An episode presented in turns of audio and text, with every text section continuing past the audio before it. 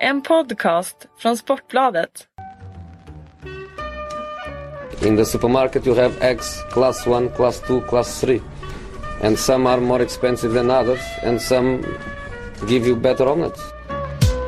That's the wrong information. Wrong, wrong, wrong information. I didn't say that. That's the wrong information. Do you think I'm an idiot? Wrong, wrong, wrong information. Now look at me when I talk to you. Your job is to tell the truth. That's the wrong information. Wrong, wrong information.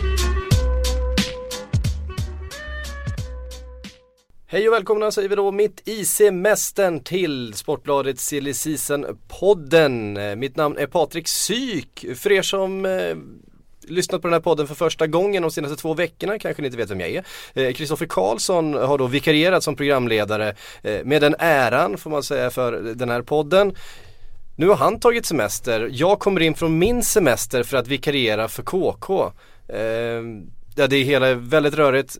Så är det i alla fall. Eh, Patrik Syk heter jag. Med mig i studion idag har jag eh, som vanligt Patrik Sjögren, Sille-general här på Aftonbladet. Aldrig semester. Aldrig semester. Du jävligt. förtjänar ingen semester. Nej jag märker det. Du gör så lite när du väl jobbar att eh, semester liksom, är, det ingår i på alla de här småpauserna du tar. Exakt. Och så har vi med oss en debutant i Silly-studion idag, Nemrud Kurt. Yes! Ska du ta, eller Kurt. Kurt. Kurt. Som Nemrud en, Kurt. som en renodlad svensk. Kurt. Ja fan vad härligt. Kurt.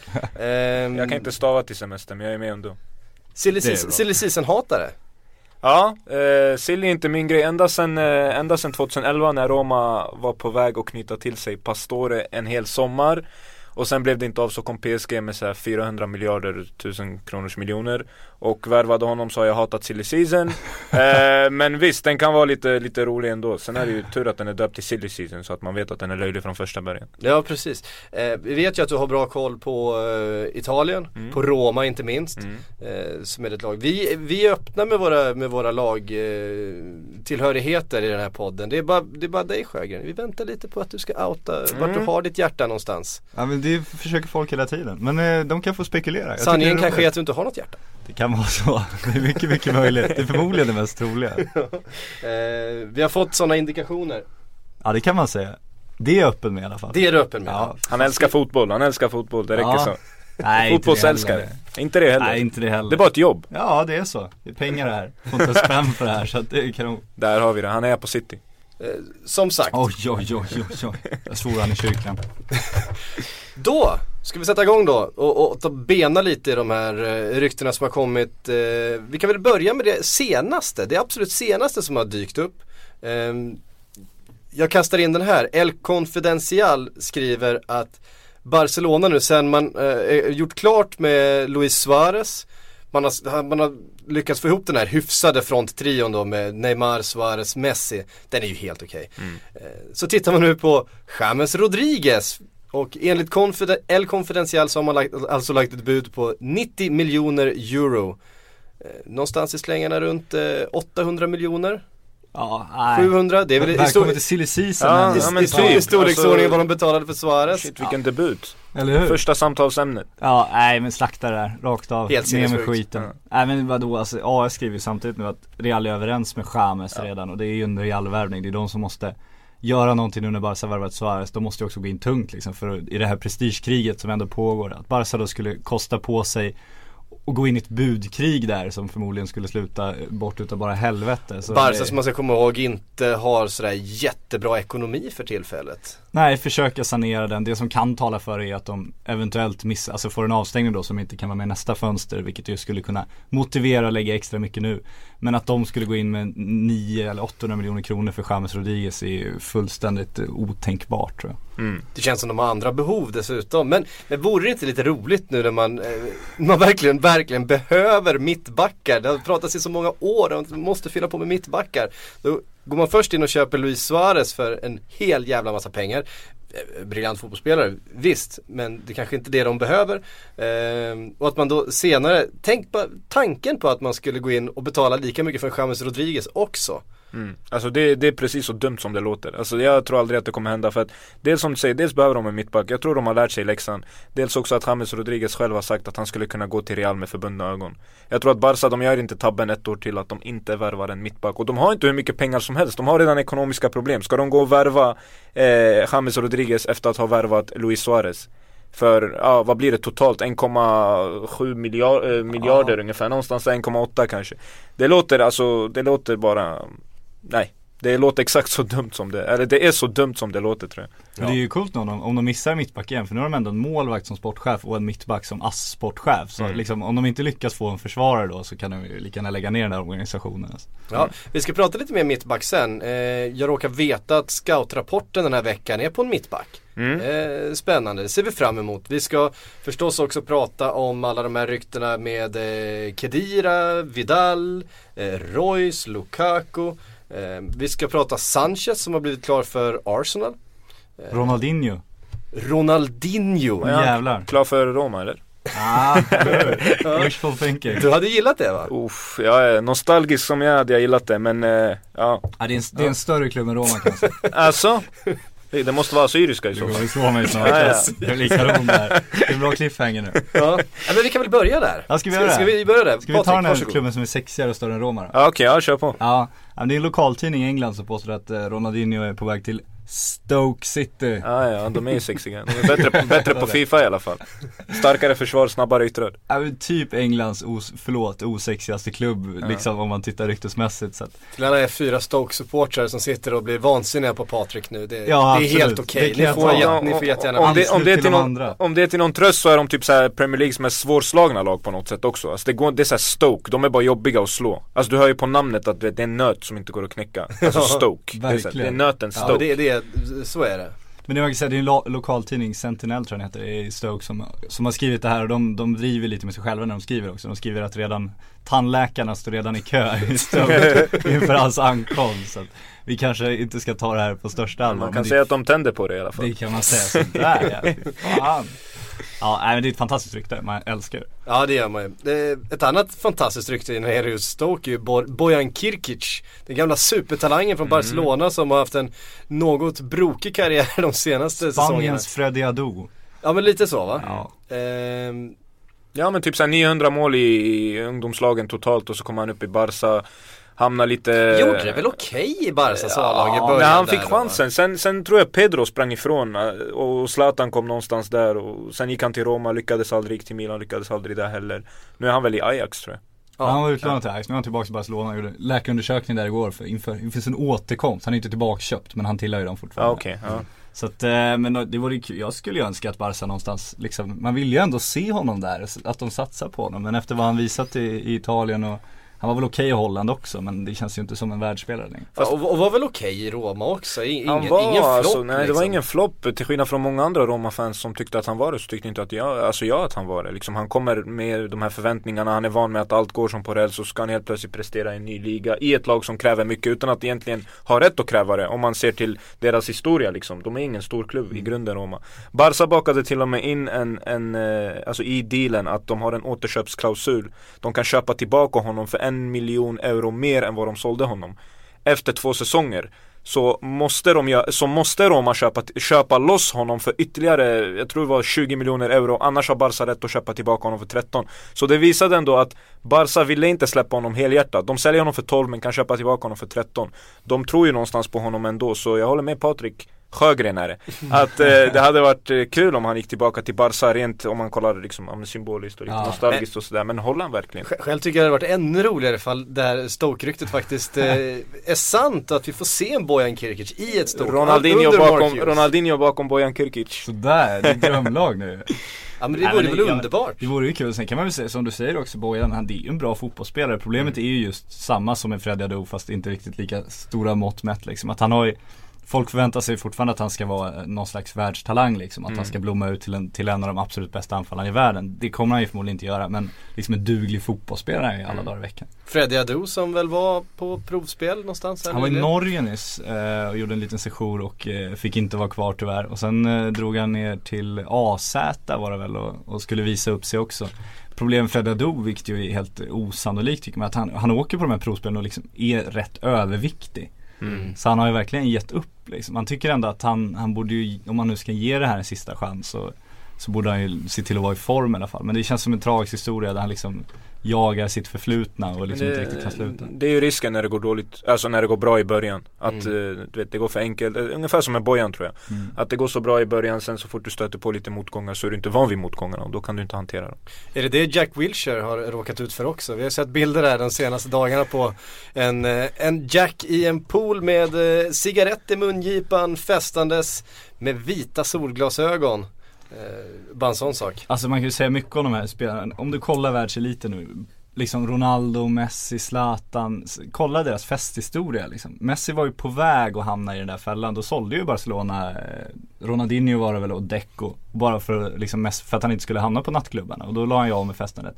Ronaldo festar ju nykter oftast påstås det.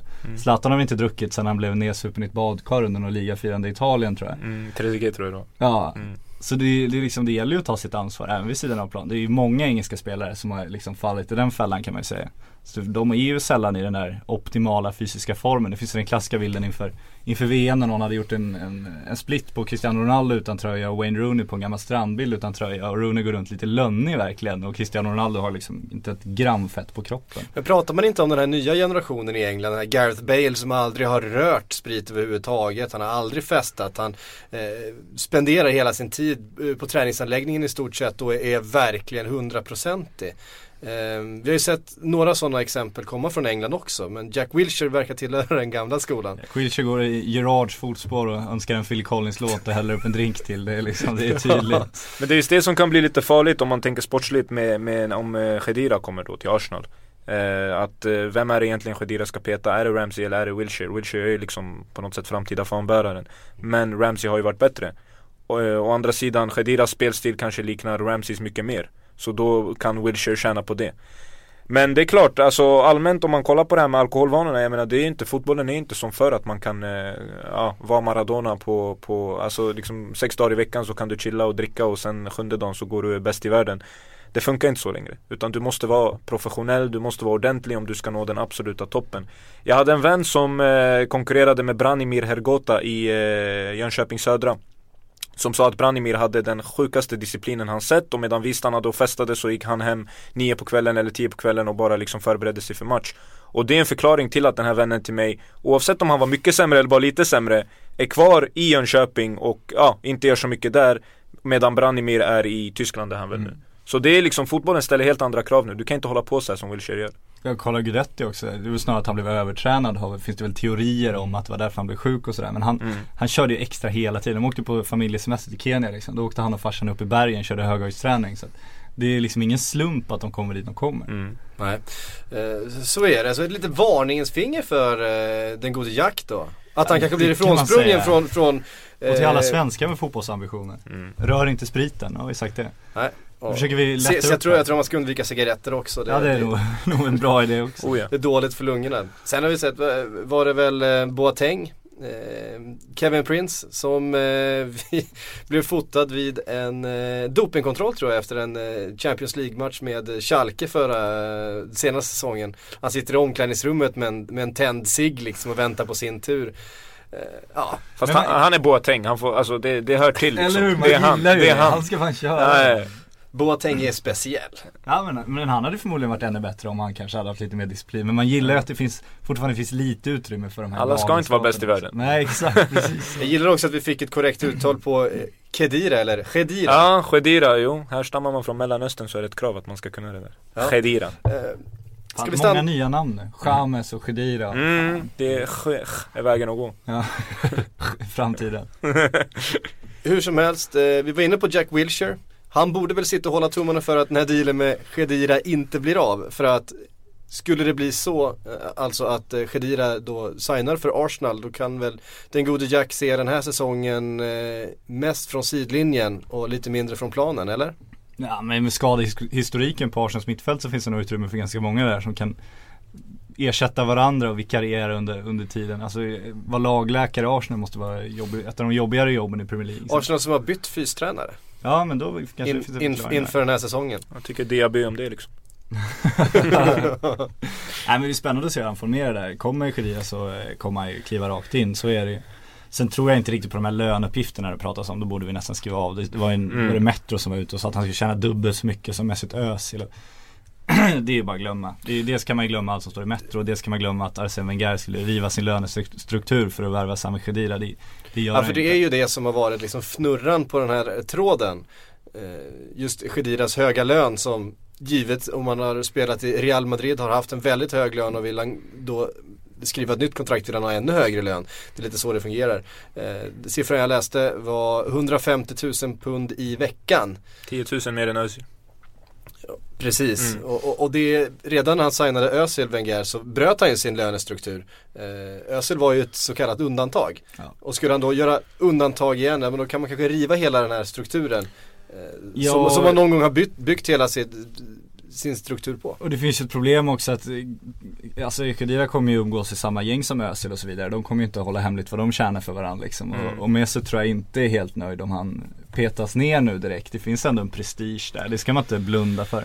Och de jämför ju med varandra. Vi ser ju att Messi och Ronaldo krigar om vem som ska ha mest lön i världen och sådär. Så att det är ju, det är ju liksom nästan som en titel numera och tjäna mycket.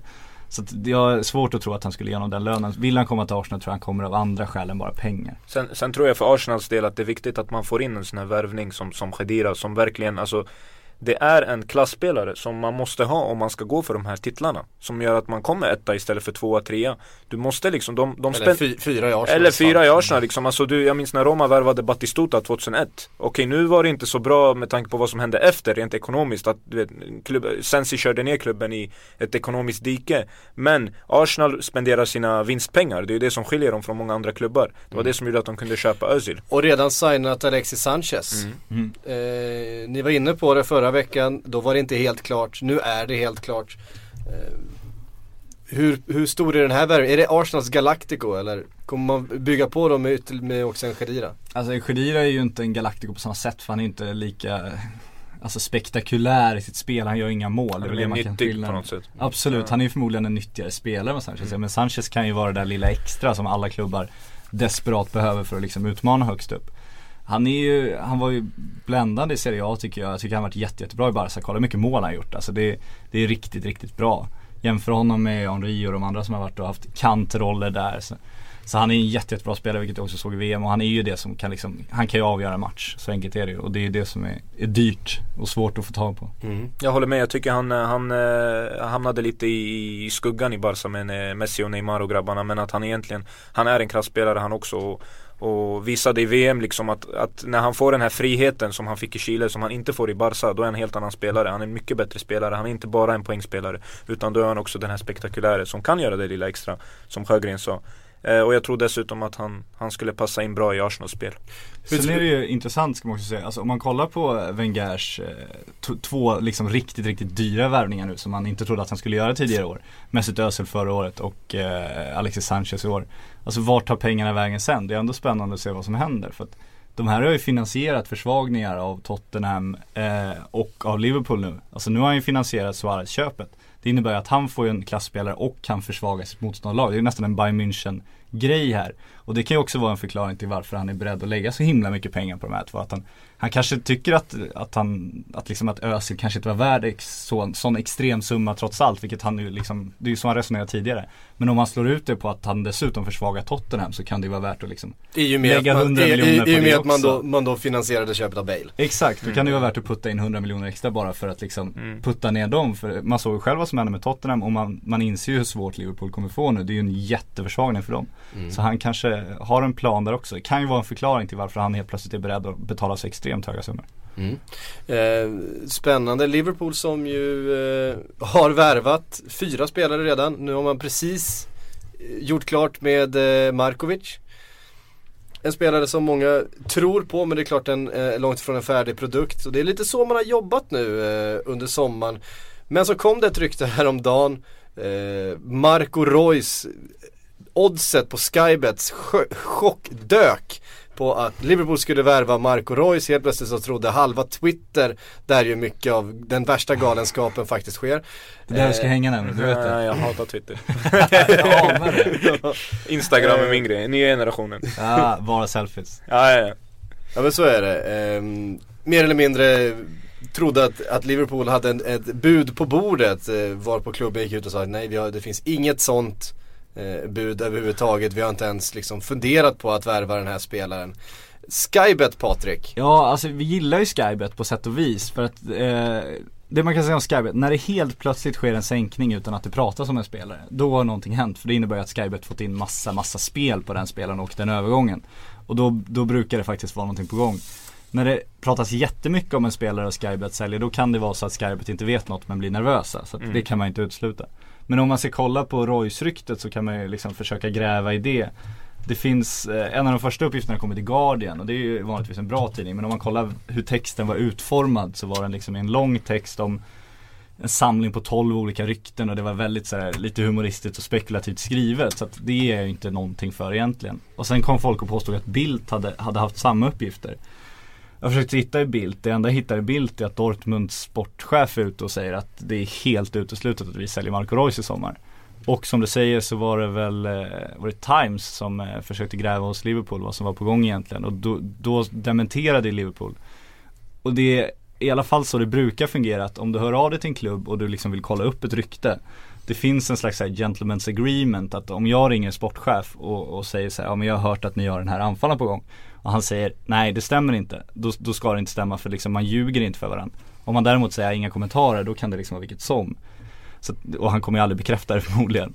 Men det finns ändå den att man, man dementerar sällan saker liksom man ljuger inte på det sättet för att det vet man att får man, eh, liksom blir man ovän med journalister så det är, ing, det är ingen bra idé. Det kan du fråga varenda engelsk förbundskapten om. Så därför tror jag, eh, svårt att tro att det här skulle stämma. Jag jag tror någonstans att Liverpool-fans tror att det här är lite för bra för att vara sant. Alltså varför skulle Royce välja, välja oss när han kan gå till Real eller Barca? Eh, men hade han kommit så hade det här sänt signaler till konkurrenterna att Liverpool Ja. faktiskt menar allvar. Rent eh, spelstilsmässigt, om man kollar spelstilen så är ju inte Royce och Suarez samma spelartyper men det är fortfarande en i kvalitet, förmodligen lika bra värvning. Alltså jag håller honom som Tysklands bästa spelare efter Lam och Neuer till exempel. Nu gick de och vann utan honom men det säger mer om hur starka de är som lag. Jag tycker att Royce individuellt är deras bästa spelare rent offensivt. Så, eh, nej men jag, jag tror faktiskt inte att det här blir av. Men om det hade blivit av så Sturridge, Sterling, Royce med Lalana bakom blir det väl.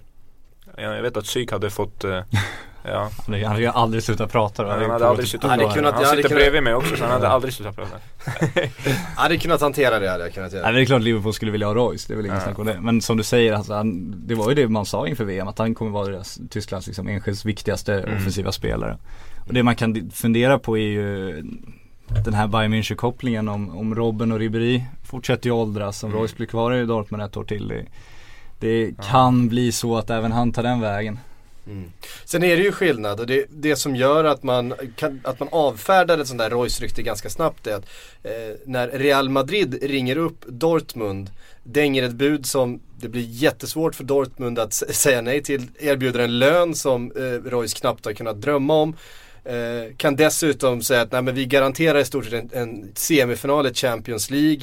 Du kommer få hur mycket eh, personlig utveckling som helst i det här laget. Eh, du får synas på den absolut största scenen, det kan vi garantera för vi är Real Madrid. Liverpool är inte den klubben. Eh, det kanske är Chelsea enbart i, i, i England just nu, Manchester City, som, som kan närma sig eh, den statusen vid en sån förhandling. Bayern München kan göra det, Real Madrid kan göra det, Barcelona kan, eh, kan göra det. Eh, men när, när Liverpool kommer och säger ja, vi vill gärna betala en utköpsklausul eller vi vill gärna erbjuda det här. Så kan Dortmund på ett, på ett annat sätt eh, hävda sig i den förhandlingen, tror jag. Ja, man ser, det, alltså det känns som vi ofta, vi har ju väldigt höga tankar om Liverpool och Arsenal i Sverige. De är liksom Sveriges två mest populära klubbar förmodligen. Förmodligen större än de svenska om man kollar på liksom gensvaret när man skriver om dem. Och de har ju enormt högt rykte i England men om du går liksom, om du tittar på Luis Suarez och åker till Sydamerika, alltså om han ska åka hem efter karriären och säga, ja vart, vart lirar du då? Så, Luis liksom, ja, Liverpool eller Real, det är liksom, det är ganska lätt att lista ut vad som smäller högst där nere. Så att Just i England kan ju Arsenal och Liverpool fortfarande konkurrera om de engelska, Englands bästa spelare för att de har så hög status där. Men tittar du utanför England så, så är det liksom ganska kort minne på folk och det handlar ju om att vinna titlar och vara i de mest prestigefyllda klubbarna och där är ju inte de just nu. Alltså jag tänker typ om, om Liverpool skulle gå, gå all in på, på Royce Så är det bättre än att de kör en Tottenham och värvar 5-6 nya spelare nu när de har fått in pengar för Suarez. För då hade de bara liksom, ja, blivit som Tottenham var i fjol. Alltså att de verkligen kör all in på honom, nu har de värvat in Moreno som vänsterback Kanske några ja, kompletterande ytterbackar som backups och, och sen räcker det helt enkelt. Ja jag håller med. Sen frågan om Royce skulle, skulle ta det, det, det vet man inte heller. Problemet för honom då är att om han nu drömmer om Real Madrid eller, eller om han skulle mot förmodan drömma om Bayern München Steget från Dortmund är ju inte jättelångt men om man skulle liksom skriva på ett lo- nytt långt kontrakt med Liverpool är ju det steget problematiskt minst sagt. Om man inte kollar, man kan ju kolla på vad som hänt med Suarez. Han fick ju slåss rätt friskt för att komma loss också.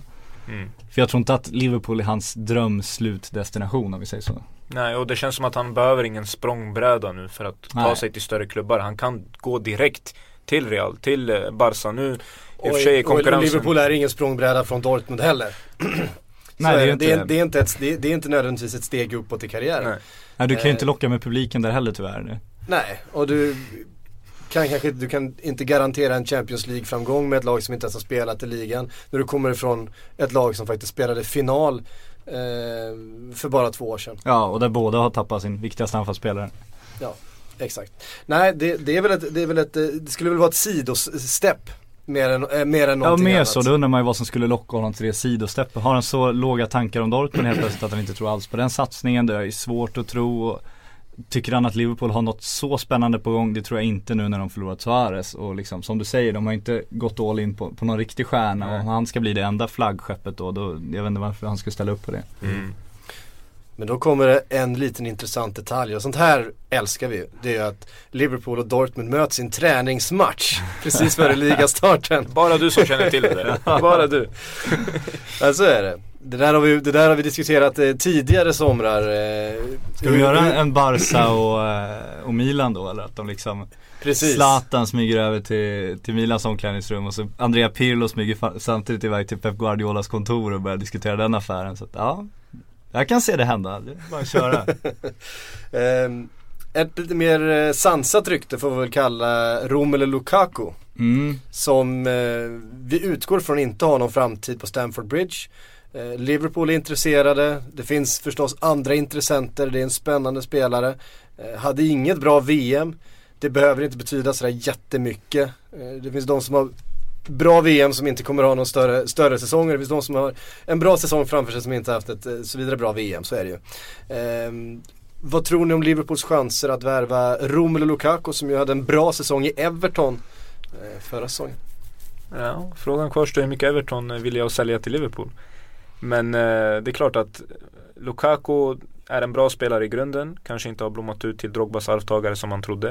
Eh, men jag har svårt att se varför Liverpool skulle vilja ha honom framför Sterling och, och, och Sturridge. Faktiskt.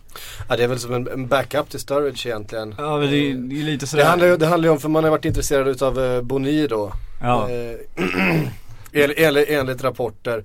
Lukaku och Boni är väl inte riktigt samma spelartyp men, eh, men de skulle då fungera som, som en sorts backup-alternativ eh, till, eh, till Sturridge. Men du, du värvar ju inte Lukaku som backup, Lukaku ställer Mm. inte upp på det. Anledningen till att han inte vill vara kvar i Chelsea är för att han inte får några garantier om att få spela där. Och skulle de dessutom, de hade ju, hade ju Sturridge i sitt stall, även City hade väl Sturridge i sitt stall och sen gick han som någon reaköp till till liksom en, en, en direkt konkurrent som Liverpool ändå är och blir liksom en av ligans bästa målskyttar. Vågar de riskera och göra Lukaku till det också? Det, det vet i fan om de är så modiga alltså. Och då skulle det nog krävas att Liverpool lägger ett litet kryddat bud där för att det skulle bli av och eh, det är svårt att se att Vi, vi just har ju sett att. Chelsea har varit ovilliga att sälja till Liverpool när det gäller bland annat Ryan Bertrand. Eh, vänsterbacken. Som ju Chelsea inte ratear speciellt högt alls. Lånat ut. Eh, Liverpool har varit väldigt intresserade under lång tid men Chelsea vill inte sälja till Liverpool. Eh, man vill helt enkelt inte göra en konkurrent några tjänster. Även om det inte är en spelare som skulle förstärka Liverpool sådär avsevärt så skulle det ändå eh, fylla ett hål där och man vill liksom inte göra dem Nej, och den tjänsten. Lukaku finns ju ändå en enorm potential i, det går ju inte att blunda Precis, för. och det Så skulle det ju finns ju en stor ännu mer vara ja. var att kanske till och med förbättra. Ja och då måste Liverpool betala för den risken Chelsea liksom utsätter sig för och det är då det blir, blir lite dyrare än vad han egentligen är värd. Sen är det svårt att se vart han ska hamna, det är det som är så märkligt. Det känns ju som, liksom han, antingen så blir det ju någon, någon mittenklubb i England där han kan fortsätta utvecklas Förmodligen på en permanent affär då, eller så får han hitta ett annat land men jag har svårt att se vart det landet skulle Mm. vara. Nej jag tror han blir kvar i Premier League. Alltså, sen är frågan vart han hamnar exakt. Som, som sagt, Chelsea lär inte vilja sälja till Liverpool och samtidigt är han utlånad till Everton. Så Everton kommer nog inte heller vara särskilt villiga att och liksom släppa honom till just Liverpool. Ja då vill någon av dem kliva in och Och Ja, köpa någon, någon av de blå lär väl, är väl ja, förstöra det i alla fall på något sätt. Ja, Men eh, psyk du som Liverpool-fan, jag vet inte fan vad, vad Alltså behöver ni Lukaku ens? Eh, ja det tror jag. Du tror det? Ja, vi behöver, vi behöver ett alternativ eh, som är eh, vi har visserligen köpt in då eh, Ricky Lambert som eh, jag tror kommer bli en, eh, en kanonvärvning i, i Har du i någonsin hindsight. sagt någonting annat om någon Liverpool har köpt? Fast han är Liverpool-supporter, eh, Ricky Lambert, är han inte? Han är Liverpool-född. Han är, Han är Liverpool-född, vuxit, ja. vuxit upp. Ja. Han, han eh, var i klubben fram till han var 15. Eh, därför är det, jag är Alltså man, man är ju optimist. Så, är det, så, är det ju, så är det ju alltid. Man, man tror ju inte att, att en spelare som, som har köpts in men sen eh, är man ju eh, milt sådär, eh, man, man behåller sin, sin skepsis inför en spelare som eh, Emre Can som jag aldrig har sett Aha. spela. Eh, det var samma sak när man, när man värvade Asaidi till exempel. Eh, Aspas. Iago Aspas, Iago ja. Aspas. Då var folk ändå rätt lyckliga, det kommer jag ihåg. Eh, hade, var ju ganska högt eh, ratad då efter Ja, säsongen där absolut. med Celta Vigo. Och det ser man ju också att det, det spanska intresset finns ju där. Alltså, d- Där kommer man fortfarande ihåg en Iago Aspas som kunde göra mål. Och inte bara slå utmärkta hörner. Den subtila sågningen, den gillar vi. Ja, eh, han, eh, han var ingen bra. Eh, det, är så, Gick från Lukaku till Aspas, stackarn. det, var så, det var som någon sa, det är som att han är allergisk mot proteinpulver. Nej, han, han höll inte riktigt för, eh, för spelet i, i Premier League. Det, det är väl bara att erkänna. Eh, Tillbaka sen, sen, till är Spanien man, då. sen är man ju också sån där eh, Adam Lallana hade en jättebra säsong förra säsongen. Ingen aning om om han kommer ha en sån säsong i Liverpool den här. Han kommer inte vara den största stjärnan. Han kommer inte få bollen precis så mycket han vill. Han ska byta Eh, miljö, han ska ha helt nya lagkamrater Ja. efter att ha varit i en klubb ganska länge. Där han inte lyckades varje säsong. Det är en joker verkligen. Ja, den, den är väldigt osäker. Eh, Markovic vet man heller inte vart man har. Nej men det, det, det, det är lite sådär. Men just Ricky Lambert är, är nog den jag är, är minst bekymrad över. Det känns som en spelare som har eh, bra koll på sina kvaliteter. Eh, han förstår klubben. Eh, han förstår sin roll. Eh, Huvudet, det- det huvudet kommer- på rätt plats på något sätt också. Ja men jag tror det. Vi, vi såg ju här till exempel att han var inne tre, fyra dagar före samlingen för eh, försäsongen och körde själv på Melwood. För att han helt enkelt vill vara i sin bästa fysiska form möjligt till eh, återkomsten till, till klubben han eh, Han var inte med Wilshire på Ibiza alltså. Nej han var inte Nej, nej okej. Han var inte och la lock på Röbisfabriken som när han var liten eller? Nej exakt. Ah, okej, ja. Eh, nej men så är det. Eh, vi, vi lämnar Liverpool och så rör vi oss lite österut till Manchester. Där det ju händer stora saker eh, med Louise van Gaal vid rodret. Snart så ska han ju samla sina, sina trupper här och börja bygga det här laget. Eh, en av pusselbitarna har man ju länge trott ska bli Arturo Vidal. Det har pratats eh, i man några veckor nu verkligen? om, om eh, Vidal till United. Det har till och med pratats om att eh, Juventus ska plocka in Paulinho från eh, Tottenham för att fylla platsen när Vidal väl går. Men nu kommer rykten om att eh, United tycker att han är för dyr. No shit. Fast nej, nej. Om alla andra stjärnor ska kosta hur mycket som helst så kan Vidal också göra det. Jag tycker han är världens bästa centrala mittfältare tillsammans med Yahya Touré. Han Ja, kan göra allt. Det, det, det som man tycker är lite besynnerligt att man tycker att 36 miljoner pund är för mycket för Vidal när man betalade 32 Alltså, för Fellaini. Men vad kostar Herrera liksom? Herrera till, till United där, Ja. vad kostar han? 29 tror jag Precis. Mm, Ja. mest, ja. Men det är Alltså, alltså, det- utköpsklausul också, vi kan inte ens förhandla. Ja okej, ja. ja men nej, ja, alltså en sån värvning som Vidal behövs. Eh, för det första för eh, hans karaktär. Att nu när de tappar sådana som Vidic och Ferdinand, att de behöver såna här karaktärer som sätter sig i respekt, som, som verkligen liksom har den här vinnarmentaliteten och eh, rädda odjur liksom. Sen är det också för att United har i några år nu behövt den här innermittfältaren av, av alltså högsta klass. Eh, visst de har Carrick men, men vi såg förra året, de var, de var på Strootman och de var på 50-11 mittfältare och till slut landade de på Fellaini på, eh, som en ren panikvärvning på deadline day liksom, 2 september. Alltså för att kunna undvika sånt. De, jag hade gått all in på Vidal. Sen tror jag att Fanchal lockar just Vidal också. Även om Juventus inte är i behov av att sälja och förmodligen bara kommer sälja någon av Pogba och Vidal och Pogba i så fall till PSG. Så tror jag att Fanchal lockar Vidal tillräckligt mycket. Vidal har själv inte dementerat faktiskt. Nej Vidal är ute och flörtar ju, men det är som vi, vi har ju hållit på med det här ryktet hela sommaren nu känns det som. Och varje podd så har vi ändå försökt säga att han kommer bli svindyr, Juventus kommer liksom inte vilja sälja. Han var seriös, alltså i höstas var han ju seriös Alltså överlägset bästa spelare. Han var ju fullständigt briljant. Inte riktigt lika bra på våren men Mm. han är ju lysande. Det är ju som du säger eh, Om han är tvåa i världen vet fan men han är lätt en av världens bästa innermittfältare Mm. utan tvekan. Och skulle liksom United få chansen att köpa honom tror jag också att de kommer göra det. Skulle de få chansen att köpa honom för 36 miljoner euro kommer de springa dit och bara hämta Mm. honom. Det, är liksom, det kommer bli helt andra summor om han skulle gå. Annars är ju Juventus helt eh, Ja, men, eh, För han har ju förlängt sitt kontrakt också. Jag tror inte att de skriver in en så låg klausul om de nu skriver in det. Mm. Alltså han ska ju kosta minst 500, han ska kosta 600, han kan kosta 700, han skulle kunna kosta 800 om man ska värdera honom. Han hade spelat liksom in, i, en, i Premier League eller, eller La Liga hade han förmodligen gjort det. Så att det handlar ju om Juventus kan ta betalt om de vill att sälja och jag har svårt att tro att United skulle kunna ta honom nu just för att de inte har Champions League och att de ska göra den investeringen på honom. Alltså jag, det, alltså jag har så svårt att köpa de ryktena hela tiden. Jag tycker det är konstigt. Alltså baka in Evra och, och kör liksom. Juventus kommer inte behöva hitta någon rakt av ersättare. Eh, De kan lägga Marquisio där, de kan flytta in Asamoah där. Eh, Pirlo har, eller Verratti har det snackats om, han är mer en ersättare till Pirlo. Sen tror jag Vidal är en sån här, ah, vill ha nya kickar, nya utmaningar. Han har varit i Juve nu tre år, det har varit för enkelt liksom i ligan. De kommer ingen vart i Champions. Visst, United spelar inte Champions men han kanske vill vara med och bygga upp något nytt. Ungefär som Strootman var när han gick till Roma. När han hade United på sig, som då spelade i Champions League, som var regerande mästare tror jag. Och, och liksom han gick till Roma och valde att vara med och bygga upp det. Så jag tror att Vidal, det finns ett litet intresse där. Som sagt, han har inte dementerat. Ja nej, jag tror också Vidal kan vara lite, fast det, alltså det är ju just de summorna då också. Då kommer han ju behöva gå upp i lön rätt Mm. rejält och han kommer kosta, han måste ju kosta mycket Adidas betalar. Ja exakt. Ja precis, ska vi säga någonting om det här tröjavtalet som eh, Manchester United verkar ha landat, vilket är ju helt vansinniga summor. Det eh, pratas alltså om 700 miljoner euro.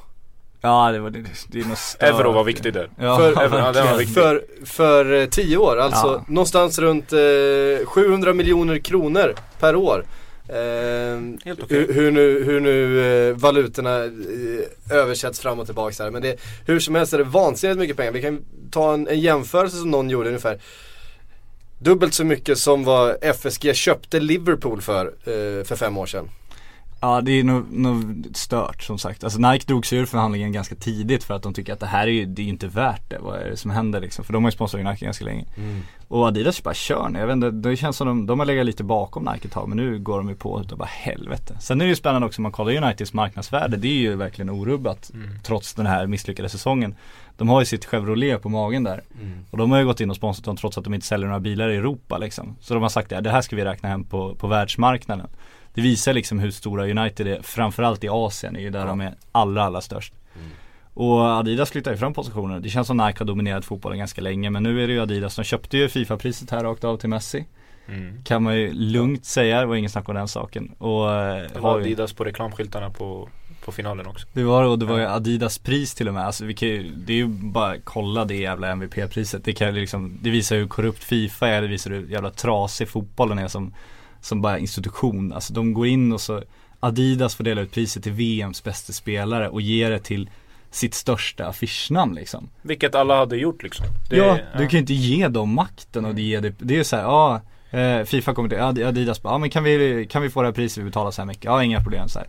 Ja, vad får de då? Jo de får ju liksom en reklamsnutt på så här 10 sekunder i sändningen inför 4 miljarder människor Där de får sätta sitt största affischnamn Tillsammans med deras största målvaktsaffischnamn liksom på ett podium med alla världens kameror på dem. Och det blir omskrivet i alla tidningar. Alltså det är ju så smutsigt så det finns inte. Det är ju som om de liksom skulle få köpa matchvinnaren liksom Du, du snackar om samma institution som gav eh, VM till Qatar. Ja och Så det är liksom Ryssland det- och sen ens är till jag liksom. Zimbabwe och, nej, vad fan kan vi bara eh, Zimbabwe. skicka Ja, man- Sepp Blatter jag- någonstans? Jag, alltså. jag, jag sa det när, när eh, den här bilden på eh, Vladimir Putin och Sepp Blatter bredvid varandra på läktaren på eh, VM-finalen. Det var ju någonstans den eh, ultimata, vad säger man, intyget på att Ryssland inte har rent mjöl i påsen. Det var väl det ultimata intyget på att liksom vår värld är så sjuk. Det där är vår samtidshistoria. Det är den bilden vi kommer liksom bära med oss av vår tid. Det är ju så jävla tragiskt. Sen älskar jag den människan som var finurlig nog på Twitter och gör om det till en kisscam med, med Blatter och Putin. Den är ju fan genial alltså. Jätte, jätteroligt. Ehm, vi kastar in ett eh, helt nytt rykte i vår eh, tombola. Eh, vi vevar lite och ut kommer Janmat till Newcastle. Ja, nu jävlar, nu åker vi. Nej men de ska ju ersätta Debussy. Vi satt och funderade, Debussy presenterade, det verkar jävla märkligt det där. Men eh, han försvinner ju till Arsenal, det är ingen snack om den saken. Nu kommer Janmat in och, och helt plötsligt har ju Newcastle gjort ett, ett bra fönster tycker jag. Förutom att de skriver livstidskontrakt med alla spelare så ser det ju ändå liksom lovande ut nu. Och eh, sen att de kommer ha samma trupp när liksom 2024 kommer är en annan sak men fan det, det händer grejer där. De satsar på spelare som liksom känns Känns som vettigt uppfostrade fotbollsspelare också, inte bara eh, folk som råkat göra mål en säsong. Hur är det nu? De har två de Jong i laget nu va? Ja, de har det mesta, de har ju 40 Amiobi och liksom det är ju så de jobbar va? Jag tror det är samma Amiobi som har varit där i 40 år. Ja så är det Typ också. så är det. är. Ja det var väl som Men Amiobi skrev- har de släppt nu va? Ja de har släppt Charles smärtar något oerhört nu när han till och med lirar VM så att det, det förstår jag inte. Mm. Det går inte. Men eh, det var väl som de skrev om United också. Vad, vad händer med Uniteds transfermarknad? Ja men de kommer skriva fan innan varje namn bara liksom. Det är Mm. det som kommer hända. Så Fan Bebe. fan Bebe ja. Då jävlar kommer blomster. Ja, ja, ja. Fan jag un- underverk med dem. Ja, helvete. Ehm, man gjorde De tog ett... väl Bebe istället för James Rodriguez förresten måste jag bara sticka in det tycker jag. Nej. Jo det Är är ett sant? underbart, underbar uppgift. Oh. Den är fin. Ja, ska vi skriva om direkt när vi kommer ut? Ja den är redan skriven. Ja okej, ja, det var du säkert också. Ja, det ja. ja, Jag ska göra reklam för mina artiklar Men eh, frågan är väl ändå, ska, kan Newcastle på något sätt eh, under det här fönstret ersätta Kabay som man tappade till PSG i Ja, vintras? Det har jag svårt att tro. Kabay var liksom en för bra spelare för Newcastle. Det var ingen snack om den saken. Jag tycker om man kollar vad han gjort för Frankrike också. Det är en lysande fotbollsspelare. Då gäller det att hitta den liksom slumpvärvningen som de ändå gjorde när de fick honom. Alltså de, de hittade ett, en, en oslipad diamant kan man säga. Sån spelare kan inte Newcastle värva. Det man tycker är märkligt med Newcastle är att de har liksom en av Englands mest trogna supporterskaror. Tittar man i England så har de ändå ett av de mest värdefulla alltså varumärkena som klubb. Det är ju det är liksom ett högt anseende på Newcastle. Och sen har de liksom kanske en av de värsta städerna att bo i, men det är en annan sak. Men de borde kunna göra bättre tur. saker sina Inte, pengar. inte enligt. Erik Niva. Men om Mike Ashley slutar hinka bira hela tiden och liksom satt och räknade lite kosing istället så hade de kunnat bygga en jätteklubb där. Ja, vi som har sett filmen Goal vet ju det om inte annat. Ja, Santiago Muniz kommer dit och ja, gud vet hur snabbt hans väg från ingenstans till stjärnorna gick. det var fantastiskt. Världens sämsta film, jag är. Nej den är skön, det finns ingen bättre fotbollsfilm. Det finns en bättre fotbollsfilm. Victory. Med Pelé och Sylvester Nej, Stallone. en bättre finns det. Vilken? Fifas nya som Sepp Blatter har lagt 210 miljoner kronor på. Ja, den ja. Där Depardieu spelar och Sepp. Blatter är, är, är hjälten som räddar fotbollen. Ja just det, den ja. Och Depardieu gick med på det. Ja, han fick nog lite kosing där också. Men den är fin, det var en bra Depardieu investering. som väl bor i Ryssland nu för tiden. Eh, Ja, Ah, något samband med VM där kanske. han gillar pengar han också. Det är cirkeln slut. Ehm, på tal om Newcastle, Pardew, Ja, blir han kvar?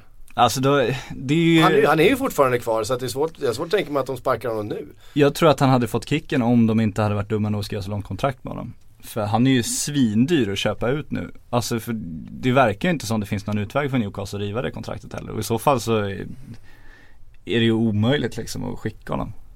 Det blir för dyrt. Det går inte att motivera tror jag ekonomiskt. Nej. Även om man tror, jag tror att man vill va? Ja jag tror också det, jag tror att man vill, jag tror man skulle må bra av att bygga nytt där och så, Alltså det är ju en attraktiv klubb, hade man tittat utanför England hade man kunnat få en rätt spännande, en, en holländsk Faktiskt, tränare en, ja. liksom. Men eh, de är så jävla konstiga beslut där uppe Det går ju att betta på om eh, Luis Suarez kommer bita någon den kommande, kommande säsongen. Går det att betta på om eh, Alan Pardew kommer skalla någon spelare den här säsongen? Jag hoppas det och jag hoppas att de kommer göra Jag menar det. vilket odds som är lägst. Ja exakt Nej, det- där hade de ju nästan haft chansen att bara Alltså där, det hade de ju nästan kunnat försöka få till som kontraktsbrott och skicka honom där Det hade nog varit en gyllene tillfälle Men Dr Jekyll and Mr Hyde verkligen. eh, Alan Pardew. Han är, han är, så, han är så städad eh, i vissa situationer så helt plötsligt så, så skallar han en eh, inte Every once in a while som det heter. Det är vad Newcastle så stad gör med en tror jag Eh, via Newcastle och via Kabay så kan vi väl ta oss till PSG. Eh, vad säger ni om den övergången? Ja, Eh, snyggt Du fortsätter med de här väderförsöken, det tycker jag är Vä- fascinerande väderförsök? Ja men det är ju meteorologer som är bäst på sådana här stela övergångar TV4 övergångar, Överlapp, alltså. överlappningen. Ja, Vid exakt. vänsterbacken, vi är mittfältaren som viker. det var en riktig solskenshistoria. Exakt det. Lämnar vi över till vädret. Ehm, hur som helst så har rapporter eh, från det man då kallar källor nära PSG Så där är eh. Utnämnt ett gäng spelare som osäljbara den här sommaren. Eh, ett par utav dem är ganska självklara som Zlatan Ibrahimovic. Han är inte bara osäljbar för att de inte vill sälja honom. Det finns nämligen ingen klubb, klubb, klubb i hela världen som har råd med honom. Ehm, och då handlar det inte om övergångssumma utan den fruktansvärda lönen. Eh, vad, är det, vad är det PSG betalar för honom egentligen? För, 150 miljoner kronor tror jag det är. ja, men Han har väl hund, är ju... ungefär 100 efter skatt va? 100 efter skatt är det. Jag tror det, och då är det väl om det är 150 eller om det är upp mot 200 till och med Ja. Ja, Ja, det, det, det, är mycket pengar. Alltså det är mer än vad vi tjänar i alla fall, så kan man säga. Per dag, eller per år. Det tjänar han per dag. Ja, Ungefär så. KKs nivå kan man säga Ja, men exakt. kokos. Håna honom när han inte är här. Eller nu? Spelarna som då i alla fall ska vara osäljbara enligt de här uppgifterna är Lucas Moura, Marco Verratti, Zlatan Ibrahimovic, Edinson Cavani, Marquinhos och Thiago Silva. Mhm. Vart är Lavetzi undrar ni? Kanske? Nej, det, det det, var- Jag Ja, undrar, undrar, jag undrar inte heller det, vad snackar du om? eh, det undrar i alla fall eh, Inzaghi som vill ha honom till Milan. Det var dit jag skulle komma. Ja, snyggt Ja, okej, ja. Ja, Eh, ja, Ja, ja. Enligt uppgifter då så ska Milan vara väldigt intresserad av att värva eh, Ezekiel Lavetzi. Vad tror ni om det? Då måste jag fråga, när går hans kontrakt ut? För Milan har en vana att bara värva kont- alltså kontraktslösa spelare. Han är lite för ung också för Milan Ja, i och för sig. Han är ung talang där om han kommer dit. Eller hur? Ja, man har nog men alltså grejen med, jag tror att du, du skulle ju ändå kunna lösa honom för att om, om nu PSG ska gå över till tvåmananfall, vilket ju Cavani sitter och dreglar över och jag tror att de nästan måste göra om de vill ha honom kvar. Då kommer ju Lavetzi ryka tror jag, för jag tror inte han vill sitta på bänken där, jag har svårt att se att de PSG som förhandlar om Di Maria nu då, det är väl lite dragkamp mellan eh, PSG och United. Eh, det kom någon uppgifter om att PSG skulle ha blivit eh, avskräckta av prislappen. Om PSG blir avskräckt av prislappen, då kan du förstå.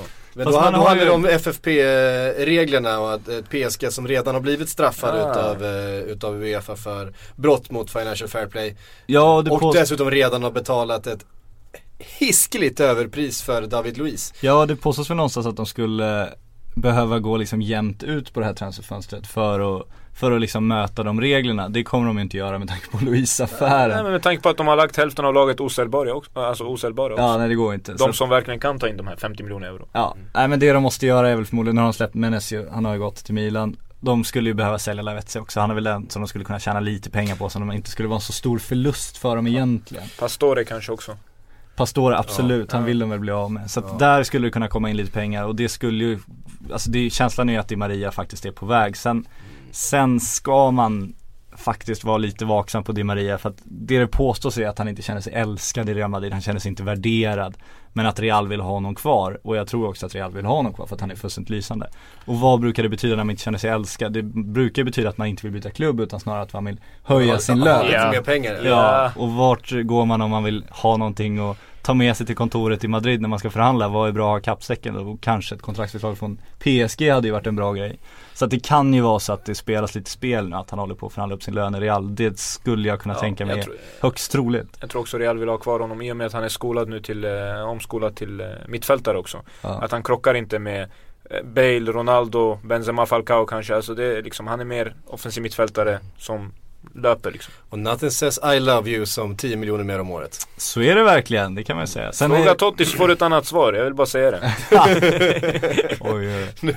Nej, men det som kan flytta på Di Maria är väl om det här James Rodriguez, om de verkligen ska ha honom nu, då, då kan det bli en krock där liksom. Mm. Men det kommer ju också uppgifter om att, betala bra också att, jag. att eh, Real inte är intresserad av att släppa mer än en utav Khedira och Di Maria. Man vill inte bli av med för mycket spelare helt enkelt från, den, eh, från det laget man hade förra säsongen.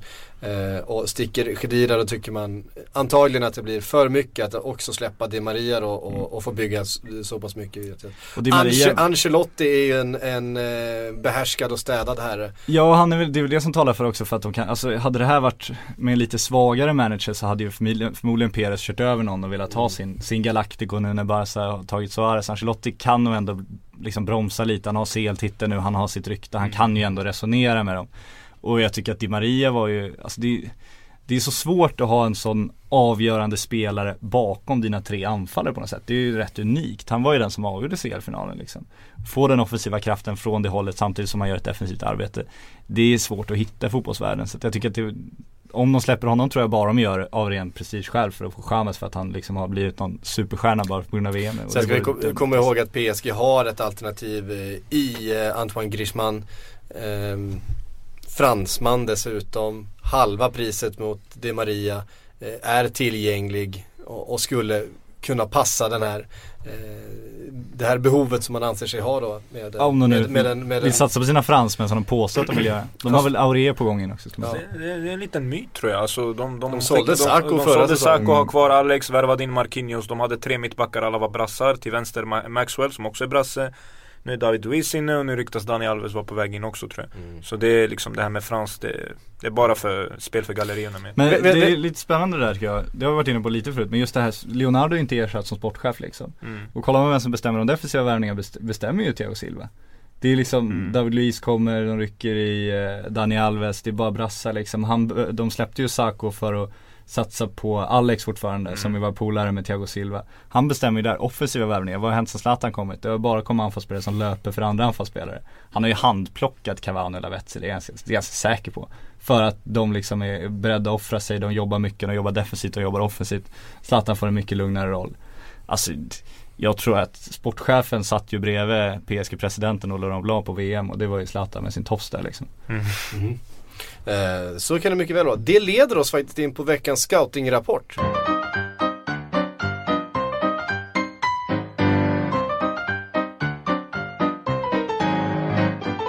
Nemrud. Där har vi Marquinhos som eh, ingen trodde på mig när jag sa att han skulle bli en av världens blivande bästa mittbackarna Och det var för att han spelade i Roma, alla trodde jag var färgad Det tror säkert ni med nu när jag valt Vi honom vet att du är färgad. Ni vet att jag är färgad till och med i rött och gult men Jag tror du eh, ska göra scoutrapport på Totti här, jag är rätt säker på Ja, det. ja, ja, det beror ju på, det beror ju på till vad alltså. det, ja. Nej men eh, Marquinhos är 20 bast, han var lovande i Corinthians innan Roma värvade honom 2012 under ledning av Zdenek Zeman. Det var en summa på 1,5 miljoner euro som när han spelat åtta matcher eh, gick upp till det dubbla, 3 miljoner. Och den eh, aktiverades, eh, den summan, för att han fick spela åtta matcher, för att han fick spela nästan hela säsongen eftersom att Zeman tyckte att han var redo, Zeman skiter i ålder.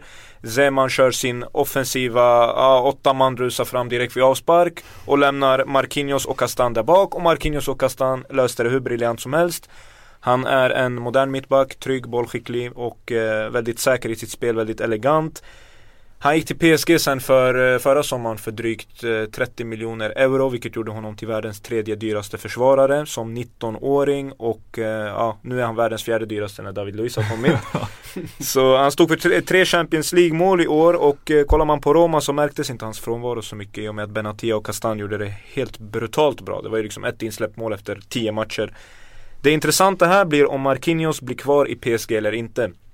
För att eh, David Luiz och eh, Thiago Silva är inte så unga, de är 27-29 år. Eh, och Barca har uttryckt sin beundran och sagt att vissa källor säger att de har skjutit fram ett femårskontrakt för att de vill värva honom. Så även om han hade funkat bra som rotation i den hela brasilianska backlinjen så är frågan om han blir kvar. Jag ser honom som världens, alltså blivande bästa mittback som sagt. Tillsammans med Real Madrids eh, Rafael Varane. Så eh, det var våran scoutingrapport om Marquinhos. Är något ni undrar så får ni ringa Zeman och fråga. Alternativt att jag sitter här och Ja, jag vill bara veta hur, han fick ju inte spela så mycket i år för PSG. Mm. för Marquinhos själv? Borde han stanna i PSG eller borde han lämna för Barca? Alltså det finns en trygghet i PSG i och med att de är så många brassar och i och med att han har varit där ett år nu, liksom formats under en så ung ålder och liksom hunnit stadga sig och så. Jag följer honom på Instagram, trots att han inte följer mig. Och där verkar han, eh, där verkar han trivas och så. Men eh, det är klart, Barca behöver mittback. Eh, så fort ni skrattar klart så ska vi. Nej men Barca behöver mittback och han hade gått rakt in i startelvan bredvid Piqué. Piqué behöver en snabb bredvid sig. Eh, Barca är ändå en klubb där han liksom, ah, han kan hänga med Neymar och, och, och Messi liksom och eh, tror han skulle trivas bra. Jag hade gått om jag var Marquinhos. Sen tror jag att namnet Barcelona i slutändan ändå liksom ekar högre på något sätt i hans öron än PSG. Trots att han är där och har vunnit franska ligan och sådär. Han hör Barcelona, han hör La Liga, han kanske är mer sugen på det. Förklara PSG i Brasilien. PSG Brasilien. Det är nog svårare att förklara PSG Brasilien. Ja men alltså Barcelona, kan du ens liksom. bokstavera dem utan att det Ja. blir PO, Gio, Gao? Ja men typ sådär. Nej så det, jag tror att han drar och jag, jag ser helst att Kost, han drar. som sagt, han, var, han, han är eh, redan världens fjärde dyraste mittback. Hur mycket måste Barca betala för att lösa ut honom från ekonomiskt oberoende PSG? Bra fråga, jag tror att kung Sjögren har svaret på den. Ja men jag tycker det är ju det här FFP-grejen tycker jag är För, spännande. P, för PSG måste ju, måste ju faktiskt se över sin ekonomi nu om de inte ska åka på fler straff. Så är det, men det, det fanns ju en poäng att betala dyrt också från början för att de, de vill ju liksom, alltså de investerar ju svintungt ett par år. Sen handlar ju det här om att plana ut för att möta FFP-reglerna och på så sätt liksom kunna leva som klubb. Har du investerat jättetungt och du har riktigt så här högt värderade spelare Då blir det ganska lätt att omsätta dem. Säljer Marquinhos då för 400 då har du väldigt mycket spelare att värva för det plötsligt. Mm. Hade du köpt spelare som är lägre värderade som kanske är lite, lite sämre och inte har samma marknadsvärde och sådär. Då är det svårare om du säljer en kille för 150 miljoner får du ingenting nytt liksom. Så för att anpassa sig till de FFP-reglerna finns det en jättepoäng. Det är förmodligen därför de har köpt så extremt jävla dyra spelare. För det var ju brassarna åkte till VM med världens dyraste mittbackspar bara för att PSG betalt överpris för David Luiz och eh, rejält mycket för Thiago Silva. Och då hade de inte med Marquinhos.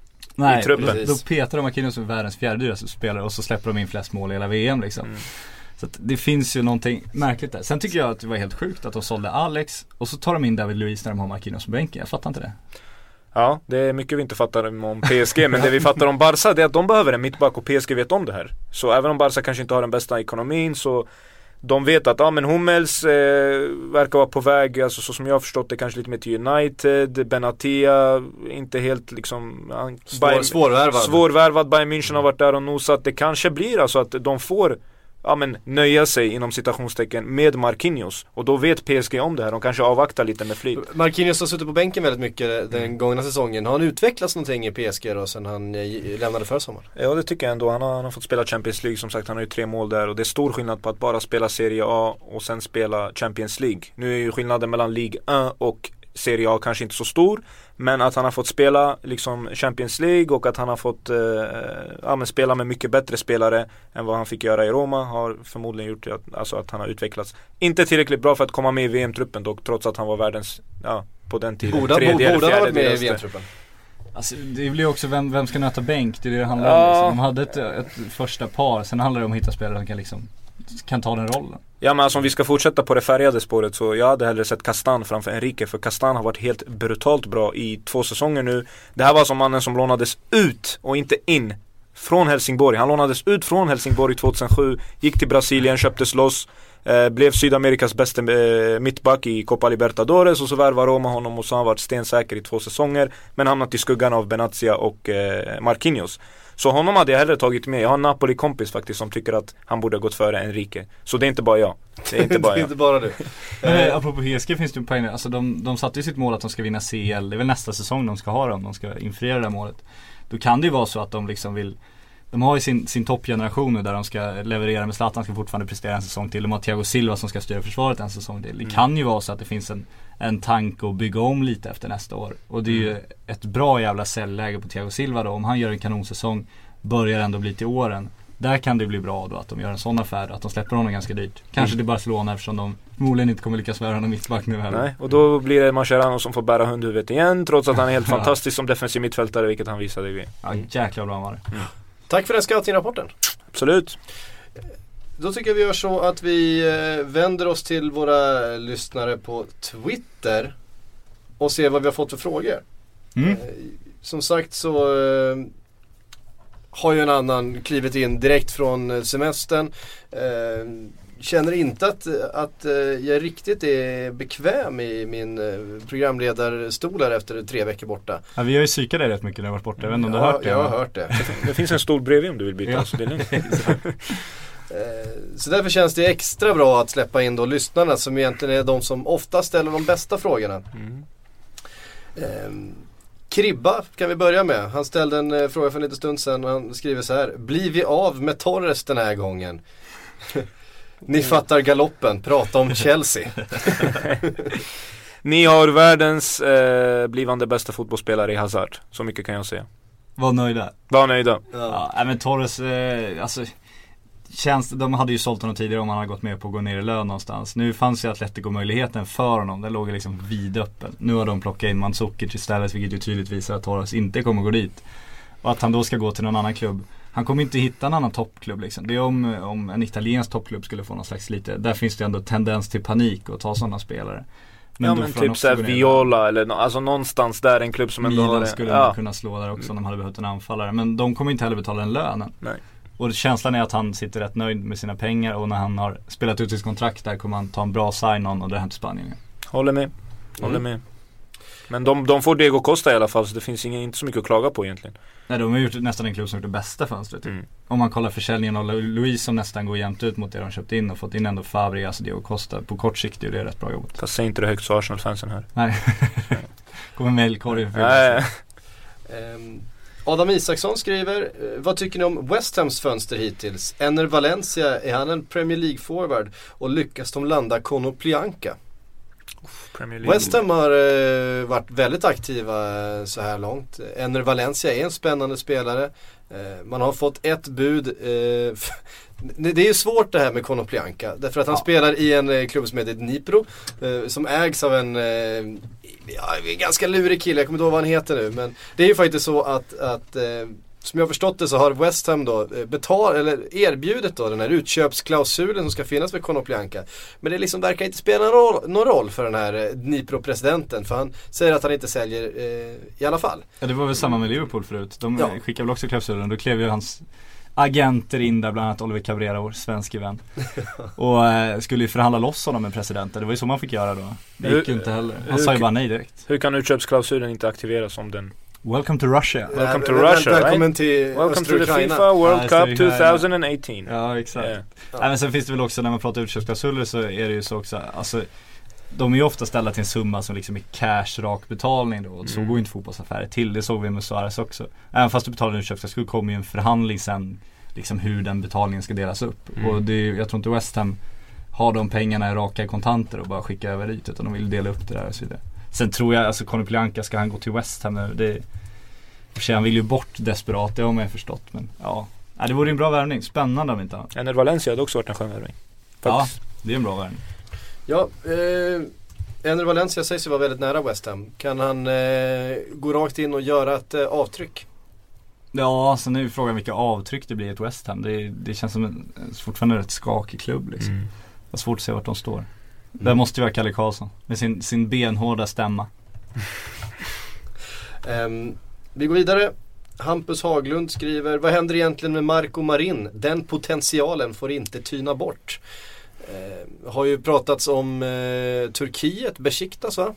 Eh, som varit intresserade av att, att värva Marco Marin som väl har varit utlånad till, se så jag inte säger fel här, han var väl i Sevilla. Ja, han har lånats ut i alla fall. Det är, Från Chelsea. Ja, det är väl en av de här, nästan en Vitesse-talang. Nej men de, de har ju köpt dem med potential Chelsea för att de har massa pengar och sen har de liksom skopat ut dem över Europa och så hoppas de kunna plocka in en av tio och få liksom en, en jätte, jättebra spelare av dem.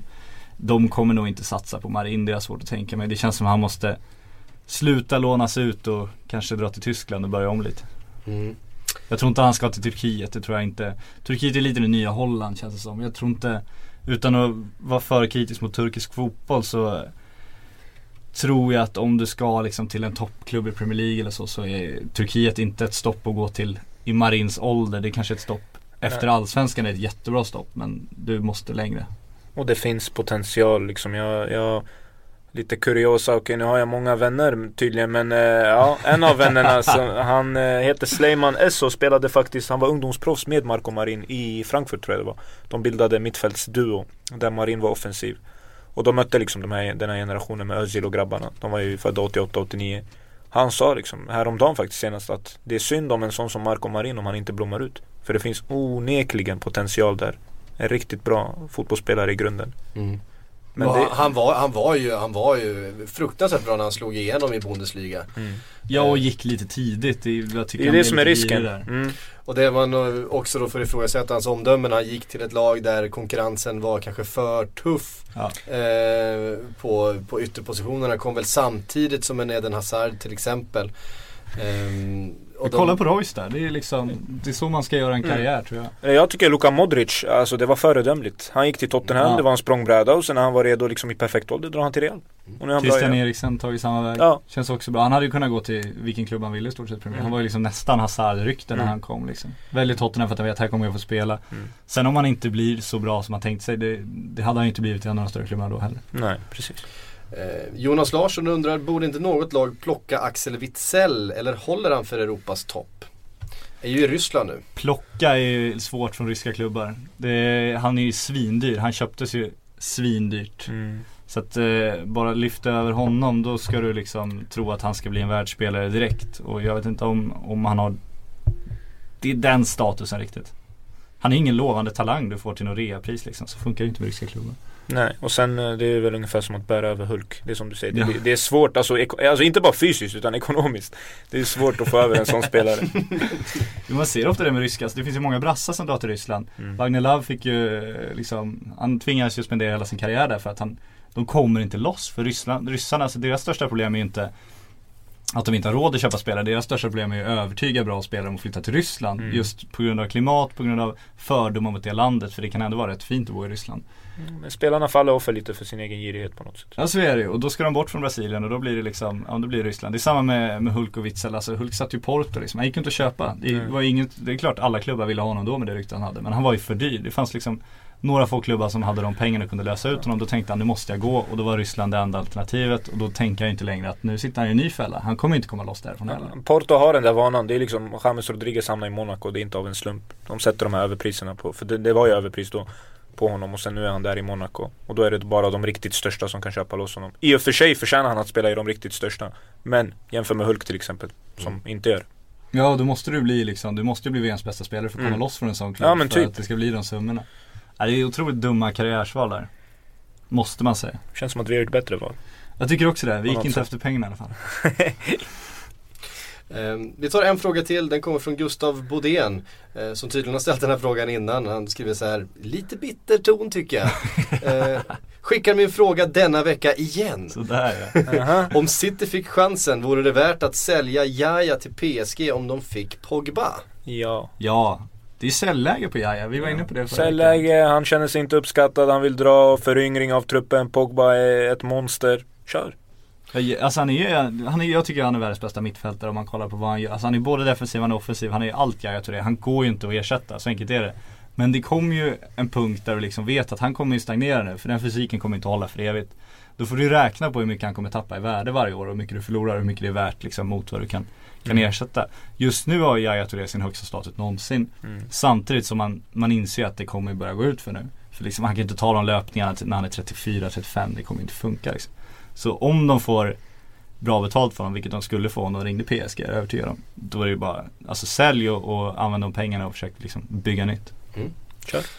Härligt, det var allt vi hade att bjuda på den här tisdagen. Nästa vecka så blir det ingen Sillypodd. Nej, det här är för dåligt. Det Vems rullar, en, det rullar en tår ner Vems för kinden på mig när jag tvingas meddela detta.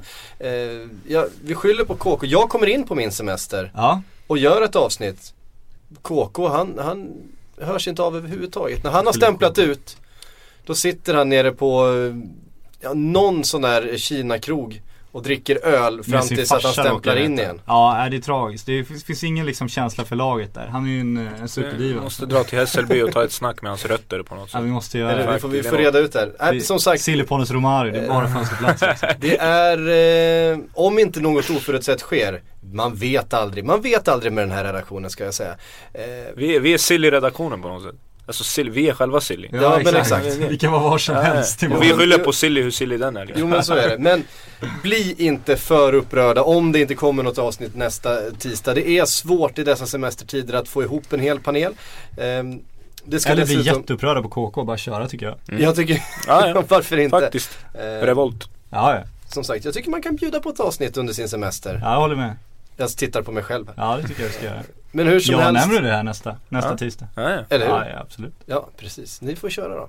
Ehm, Teknikhinder bara. hur som helst så kan jag garantera att, ni, att vi är tillbaka om två veckor. Då är nämligen KK semester över. Eh, Jag däremot befinner mig någon helt annanstans men eh, då, då kör Kristoffer. På en Kina-krog och dricka öl. Ja. Det är KKs farsa. Glad sommar på er alla som har lyssnat. Vi hörs snart igen. Ni kan ju följa bloggen så länge. Där hittar, Ja. ni, där hittar ni både Nemrod och Patrik. Den tar aldrig semester kan vi Aldrig. understryka. Nej, så är det. Följ bloggen så hörs vi om eh, ett par veckor igen. Hej! Ciao.